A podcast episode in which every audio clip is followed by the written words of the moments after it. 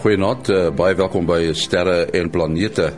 Ons sal vanaand so 'n bietjie luister na ruimte klanke.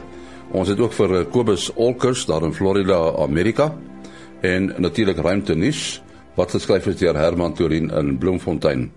As mense eendag 'n beduidende ruk op Mars wil woon, sal hulle daar kos moet kan produseer. Die kossoort wat nou deur NASA getoets word om eendag op Mars aangeplant te word, is die aardappel. Altesaam 65 van die 4500 aardappelvariëteite word in grond van die Peruviaanse woestyn, wat die naaste ooreenkomste met die grond op Mars toon, aangeplant om te kyk watter die beste in die betrokke grond aard. Daar is reeds vasgestel dat Mars se grond die voedingsstowwe bevat wat aardappels benodig. Die aanvanklike eksperimente word by die hoofstad Lima gedoen. Na die mees suksesvolle aardappels geselekteer word, sal ook gekyk word watter die beste onder gesimuleerde Mars-toestande kan aanpas. Die navorsers verwag egter nie dat enige aardappel die pyp in Mars se klimaat wat ysig koud is, sal kan rook nie en aanvaar dat dit eendag op Mars in kweekhuise of soortgelyk aangeplant sal moet word.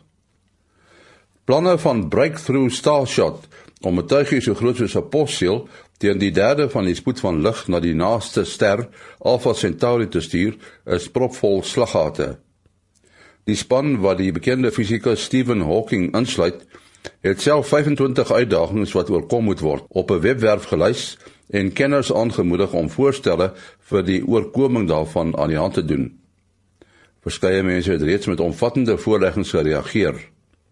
Die span meen dit sal sowat 20 jaar neem om die infrastruktuur te bou en die ontbrekende tegnologie te ontwikkel wat nodig is om die sending mee aan te pak. Dit sal nog 20 jaar neem om die tuigie wat deur die laserstrale van die aarde af aangejaag word, die afstand te laat aflê.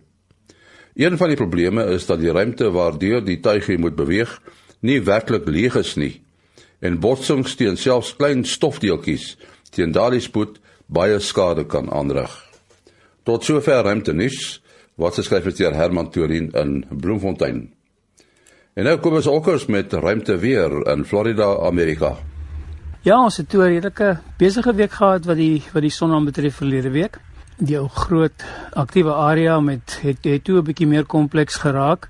Hy het redelik gekraak van die C-klas vakkels en hier maandag het hy toe vir ons 'n amper 'n M7 klas fakkel gegee by die ek dink dit was M6.8. Nou ja, dit was genoeg om om die uh, GPS 'n bietjie deurmekaar te maak op maandag en om vir ons 'n bietjie van 'n duik in ons uh, langafstand kommunikasie te gee ook hier maandag dinsdag se koers. Hy was nie gou effektief nie, so ons het nie eintlik veel van 'n uh, magnetiese puls gekry wat die kraglyne beïnvloed het nie. Uh, maar die ionosfeer het wel deeglik geweet daar was 'n fakkel. Nou ja, die ou is nou op pad af. Hy's hy's klaar afgeroteer. Wat aktiewe areas aanbetref, is daar 'n bietjie van 'n droogte, maar dit lyk pragtig as mens daarna kyk want ons het twee dipole, een wat redelik intiem verstrengel is. Uh en een wat 'n bietjie verder van mekaar af is die twee pole en dit lyk baie mooi as mens kyk na die na die magneetveldlyn op die son. Wat ons uh, koronagat aanbetref, ja, dit is groot. Dit is baie groot dit lyk asof die son 'n uh, ou is met 'n met 'n bos bos dik bos hare en so een van hierdie sides langs die langs die kinnebak af.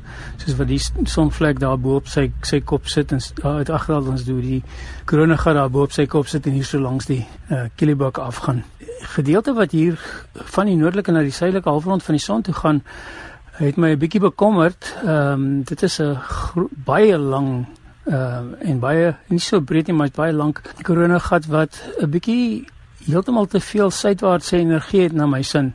Ek dink dit gaan vir ons 'n bietjie probleme gee om die waarts. Ek dink dit behoort teen môreoggend al te te begin gebeur. Uh ons HF mense gaan weet gaan bietjie vas uh les op sê hierdie week. Daar is nog 'n ander korona gat, maar hy's hy's redelik neutraal. Die, aktiwiteit wat uit hom uitkom is meesal uh, noordgerig.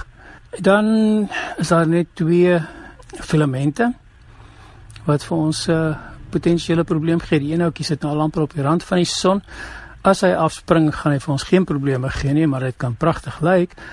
En dan die ander ouetjie is amper uh geo-effektief.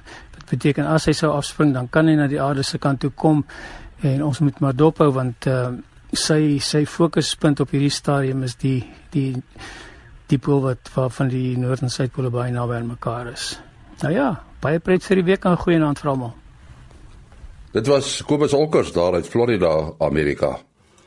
Nou ja, soos ek uh, gesê het, gaan ons uh, nou luister na klanke wat in die ruimte teenwoordig is en dit is uh, opgeneem uh, met 'n sogenaamde plasma golf antenna wat nou die vibrasies tussen 20 en 20000 Hz uh, dan opneem. Dit is die uh, reikwydte van die menslike gehoor en hierdie vibrasies is komplekse interaksies van gelaaide elektromagnetiese partikels van die sonwind, ionosfeer en die planetêre magnetosfeer. Nou hier is heel eerste die klank wat opgeneem is van die planeet Jupiter.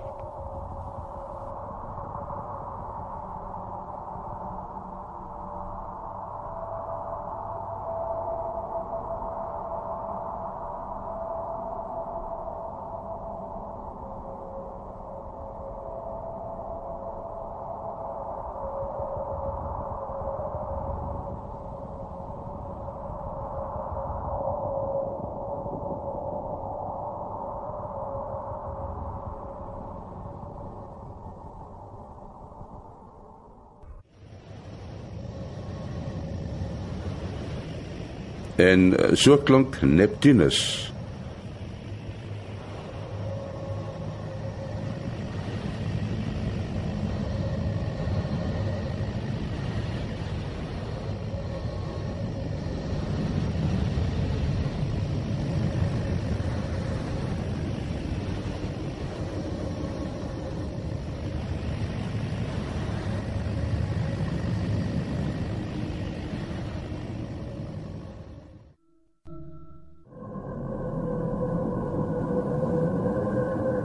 Die volgende is die ringplaneet Saturnus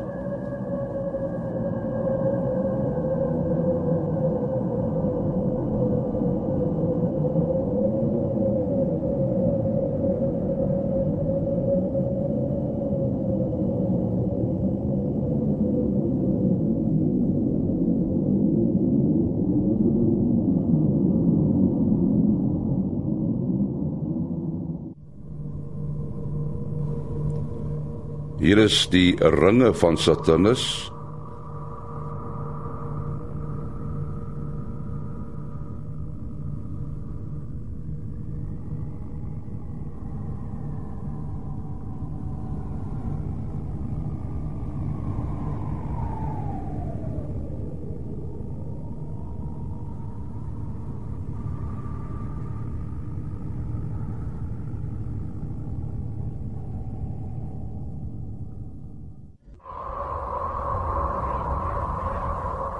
Dan ook die klanke van Uranus.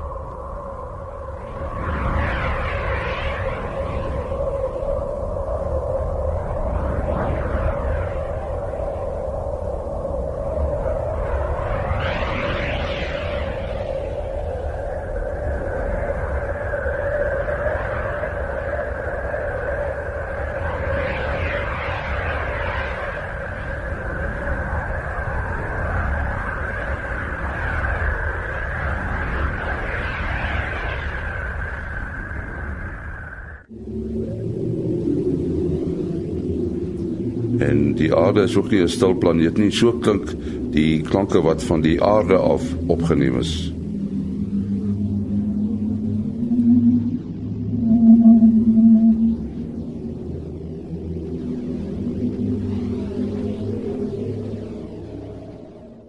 Ons het uh, ons span weer gereed. Dit is uh, Willie Koorts van die SAAO en uh, professor Mati Hofman van die uh, Bodensterrewag, die uh, digitale planetarium en natuurlik uh, die universiteit van die Vrystaat. Ons het nou daai snaakse klanke daar gehoor wat uh, opgeneem is met 'n plasma antenna en uh, eintlik baie spookagtig klink.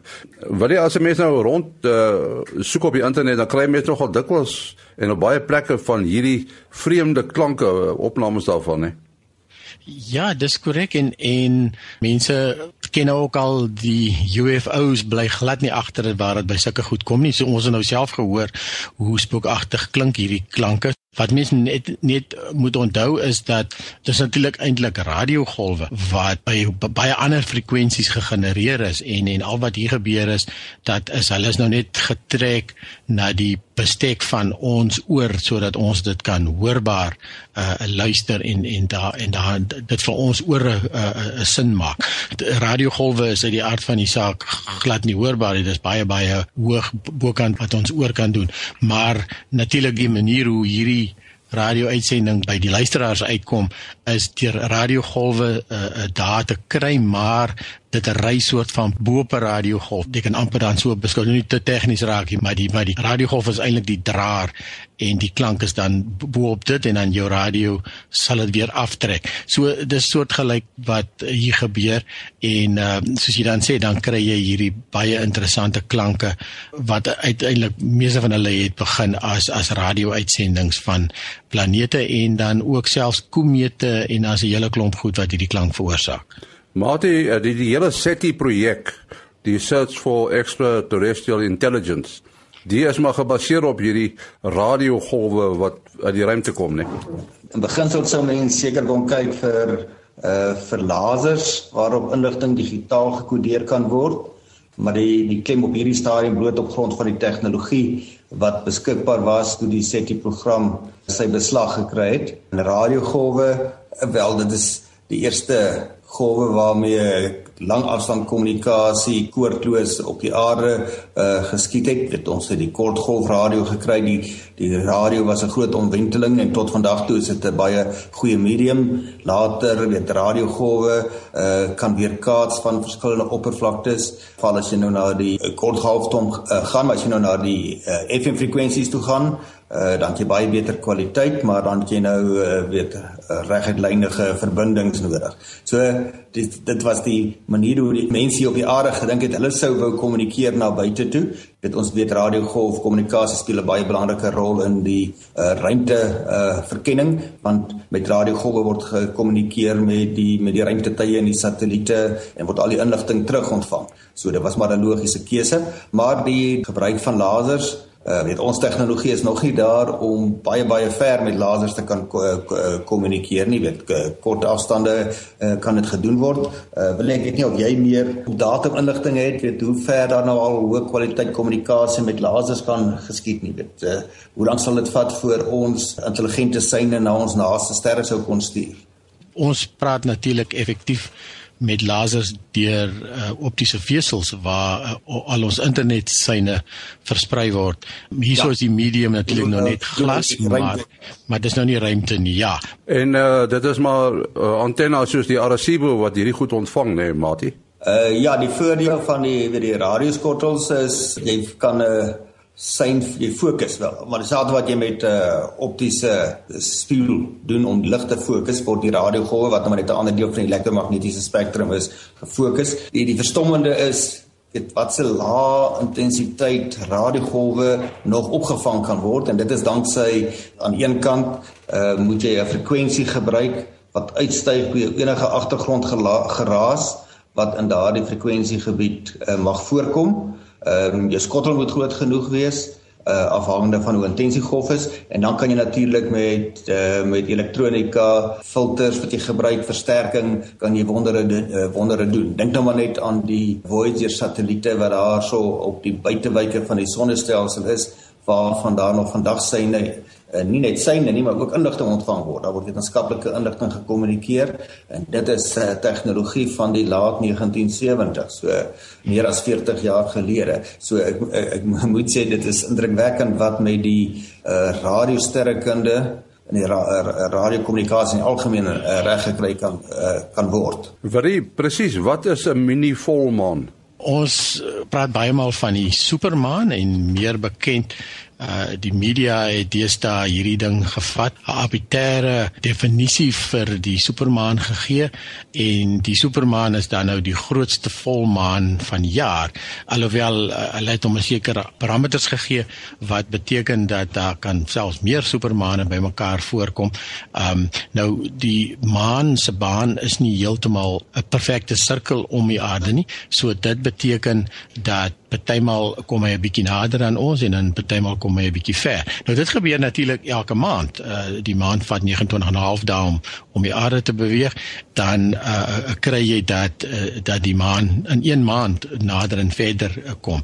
Maar as die volmaan dan nou saamval met wanneer die maan op sy naaste is, dan kry ons die sogenaamde supermaan en so omtrent so 6 maande weg en en dis waar ons nou twee aande terug was by Vrydag se volmaan was die volmaan van die jaar wat die maan die verste weg was van die aarde af. So dit is eintlik die kleinste volmaan van van 2016. En nou het die die spulletjie daar by Universe Today op die internet het het hom toe nou sommer 'n ander naam gegee, die minimaan.